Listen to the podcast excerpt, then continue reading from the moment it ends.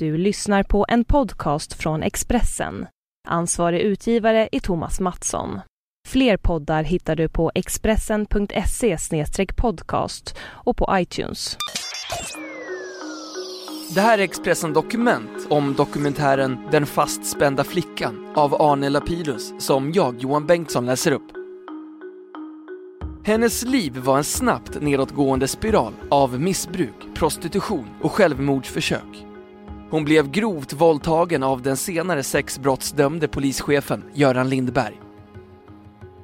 Nu belönas radioreporten Daniel Velasco med Guldspaden för sin dokumentär om hennes liv, Den fastspända flickan, som visar hur samhället sviker en utsatt ung människa. Guldspaden och all annan uppmärksamhet kring programmet är ett slags upprättelse för mig, säger Nora, som hon kallas i radiodokumentären.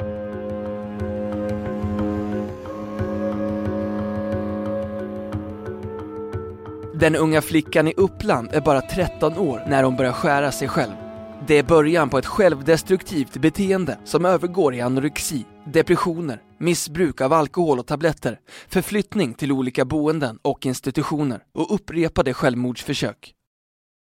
Hon kommer från en mycket välbärgad familj, men den prydliga fasaden döljer en mörk hemlighet. Pappan misshandlar henne. Det är bakgrunden till att det går snett för henne i ett tidigt skede. Flickan hamnar på en rad hem med vackra idylliska namn. Hoppet, Solgården, Tumlebo. Men hon får inte den vård hon behöver och ibland uttalat ber om. Mitt program har lett till en väldig debatt. Hur människor bemöts inom framförallt psykiatrin har blivit en stor fråga.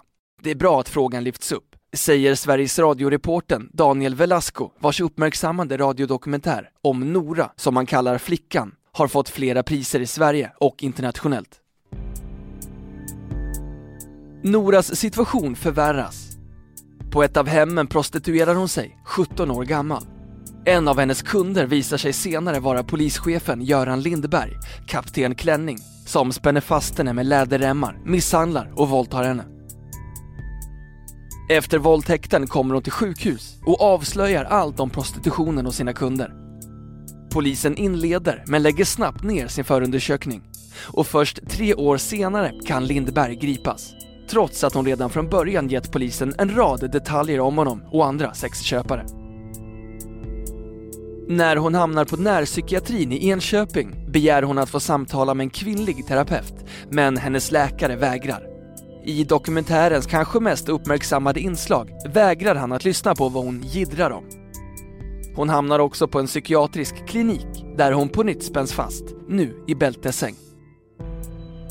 Daniel Velascos radiodokumentär Den fastspända flickan, som sändes första gången i januari förra året, har nu belönats med Guldspaden av föreningen Grävande Journalister. Han tilldelas priset för citat, att med tålamod och omsorg har visat hur samhället sviktar och sviker en ung utsatt människa. Slutcitat. Velasco skildrar i programmet hur den djupt deprimerade Nora försöker ta livet av sig med olika metoder. Tabletter, strypning och till slut genom att hoppa från en balkong 8 meter över marken. Hon skadas svårt, men överlever. Jag har inte fått rätt sida på livet än, men jag är på god väg. Jag har byggt upp självrespekten, mycket tack vare all respons efter programmet jag är otroligt tacksam över att jag fått så många positiva reaktioner från så många, säger Nora som idag är 24 år gammal. Jag är mycket glad över att Daniel har fått Guldspaden. Han förtjänar det verkligen. Han har gjort ett grymt bra jobb och är värd allt beröm. Hans program lyfter fram och belyser bristerna i vården. För mig innebär programmet och reaktionerna ett slags upprättelse. Jag ska inte längre skämmas för vad jag blivit utsatt för och gått igenom. Vi måste börja tala om tabubelagda områden som prostitution och självdestruktivt beteende hos människor som mår psykiskt dåligt, säger hon. Nora förklarar att den stora responsen på programmet är mycket viktig för henne. Uppmärksamheten kan leda till förändringar och därmed är hennes lidande kanske inte förgäves. Daniel Velasco berättar att han snubblar över fallet Nora när han håller på med ett annat reportage om hur isolering används som bestraffning på statliga ungdomshem. I det sammanhanget ringer en kvinna och berättar att hennes dotter utsatts för isoleringar och att dottern dessutom har blivit våldtagen och förmodligen sålt sex samtidigt som hon tvångsvårdats på ett privat HVB-hem. Det är Noras mamma som tipsar. Velasco ringer upp dottern. Efter vårt första samtal ställer jag mig två frågor. Hur kan de sälja sex på ett behandlingshem utan att personalen gör något? Det ska vara ständig bemanning dygnet runt, säger Daniel Velasco. Och varför grep polisen inte våldtäktsmannen direkt? Nora hade lämnat otroligt mycket uppgifter. Bilnummer, personnummer, telefonnummer. Det var guldläge för polisen, säger han. Under arbetet med reportaget går det plötsligt upp för Velasco att våldtäktsmannen är ingen mindre än polischefen Göran Lindberg. Han grips först efter det att Velasco har börjat intervjua Nora. Reporten förstår det när han söker Noras målsägarbiträde och finner att denna är samma person som just utsätts till målsägarbiträde för ett av Lindbergs offer. Jag blir helt paff. Det går upp för mig att jag har intervjuat ett av Lindbergs offer utan att veta om det och innan han ens var gripen, säger han. Det blir en chock också för Nora. Hon pallar inte medietrycket när hon ser Lindberg på alla löpsedlar och i TV. Hon stoppar i sig en massa tabletter och hamnar på psykvårdsavdelningen. Nu får arbetet med dokumentären vänta en längre tid, främst beroende på Noras hälsotillstånd.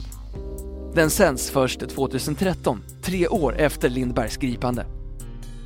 Velasco tror före sändningen att avslöjandet av polisens miss, alltså att man grep Lindeberg först 2010, trots att Nora gett detaljerade upplysningar redan strax efter våldtäkten 2007, ska väcka mest uppseende. Men istället blir det Noras smyginspelning av ett samtal med sin psykiatriker som skakar lyssnarna och väcker mest debatt. Efter våldtäkten begär Nora hjälp av en kvinnlig psykolog eller terapeut. Hon har svårt att känna förtroende för män efter vad hon har gått igenom och säger att citat, det har blivit väldigt ångestladdat i situationer med manliga personer. Slutcitat. Men överläkare Ola Jävert, verksamhetschef för närpsykiatrin i Enköping, vägrar. Han låter henne först samtala med en manlig skötare, sen med en manlig psykolog. Nora säger till Velasco att hon vill spela in nästa samtal med läkaren och reporten ger henne inspelningsutrustning. I en dold inspelning säger Jävert att hon måste citat, sköta sig ett halvår, slutcitat. Alltså avstå från självskadligt beteende innan hon kan få en kvinnlig terapeut. Han säger att han inte behöver lyssna till vad hon gidrar om och att Kapten Klänning är ingenting jämfört med vad hans andra patienter har gått igenom. Senare försvarar Ola Jävert sitt agerande och säger i programmet att patienten begär en kvinnlig terapeut enbart för att störa behandlingen. Om jag skulle hoppa som en slalomåkare efter vad folk vill ha för olika behandlingar eller olika emotionella personlighetsstörningar skulle det bli alldeles förtvivlat, säger Jävert i dokumentären. Den här dialogen mellan psykiatriker och hans patient blir starten på en stor diskussion om hur människor behandlas i psykvården. Landstinget i Uppsala stänger av Ola Jävert från patientkontakt vid de mottagningar som hans företag driver i landstingets regi i norra Uppland. Han får också sparken från psykakuten på Akademiska sjukhuset i Uppsala efter flera anmälningar om vårdmissar. Verksamhetschefen säger till TV4 Nyheterna i Uppsala att man betraktar honom som citat, en säkerhetsrisk, slutcitat. Jävert får massiv kritik i medierna. Han mordhotas och så sent som häromveckan sprayades hans hem ner med hotelser. Jag är chockad över att han får pris igen. För alla som på något sätt är intresserade framgår det att herr Velasco har hittat på alltihop, säger Ola Jävert till Expressen. Jag har anmält programmet till granskningsnämnden. Jag har blivit utsatt för så mycket, mordhot och annat, så jag tänker gå ut först när det hela är över, säger han. Ola Jävert vill inte bemöta dokumentärens uppgifter i sak i Expressen. Det är gripet i luften att jag skulle hittat på. Allt i dokumentären är noggrant kontrollerat med dokument hos polis, sjukvård, socialhjälp och ungdomshem, säger Daniel Velasco. Under tiden har en av dramats huvudpersoner, Göran Lindberg, hunnit bli frigiven efter att ha avtjänat två tredjedelar av sitt sexåriga fängelsestraff. Den förre länspolischefen och rektorn för Polishögskolan släpptes i januari. Den strafftid han fick sitta inne är inget mot den jag suttit inlåst och tvångsvårdats. Jag blir frustrerad över att man kan komma så lindrigt undan. Det han har gjort har satt spår som kommer att följa mig resten av livet, säger Nora. Jag är 24 och har haft det extremt jobbigt sedan i 14-årsåldern. Min terapeut säger att det är minst lika lång väg tillbaks. Så det tar minst tio år tills jag är på banan igen, säger hon.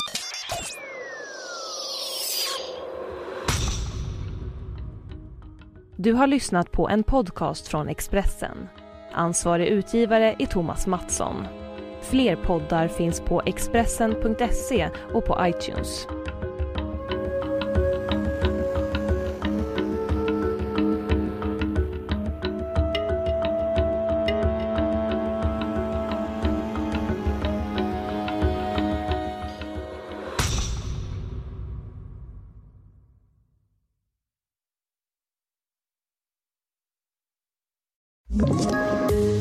Poddtips från Podplay.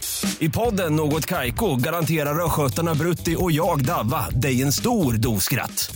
Där följer jag pladask för köttätandet igen. Man är lite som en jävla vampyr. Man har fått lite blodsmak och då måste man ha mer. Udda spaningar, fängslande anekdoter och en och annan arg rant. Jag måste ha mitt kaffe på morgonen för annars är jag ingen trevlig människa. Då är du ingen trevlig människa, punkt. Något Kaiko, hör du på Podplay. Därför är gardinerna.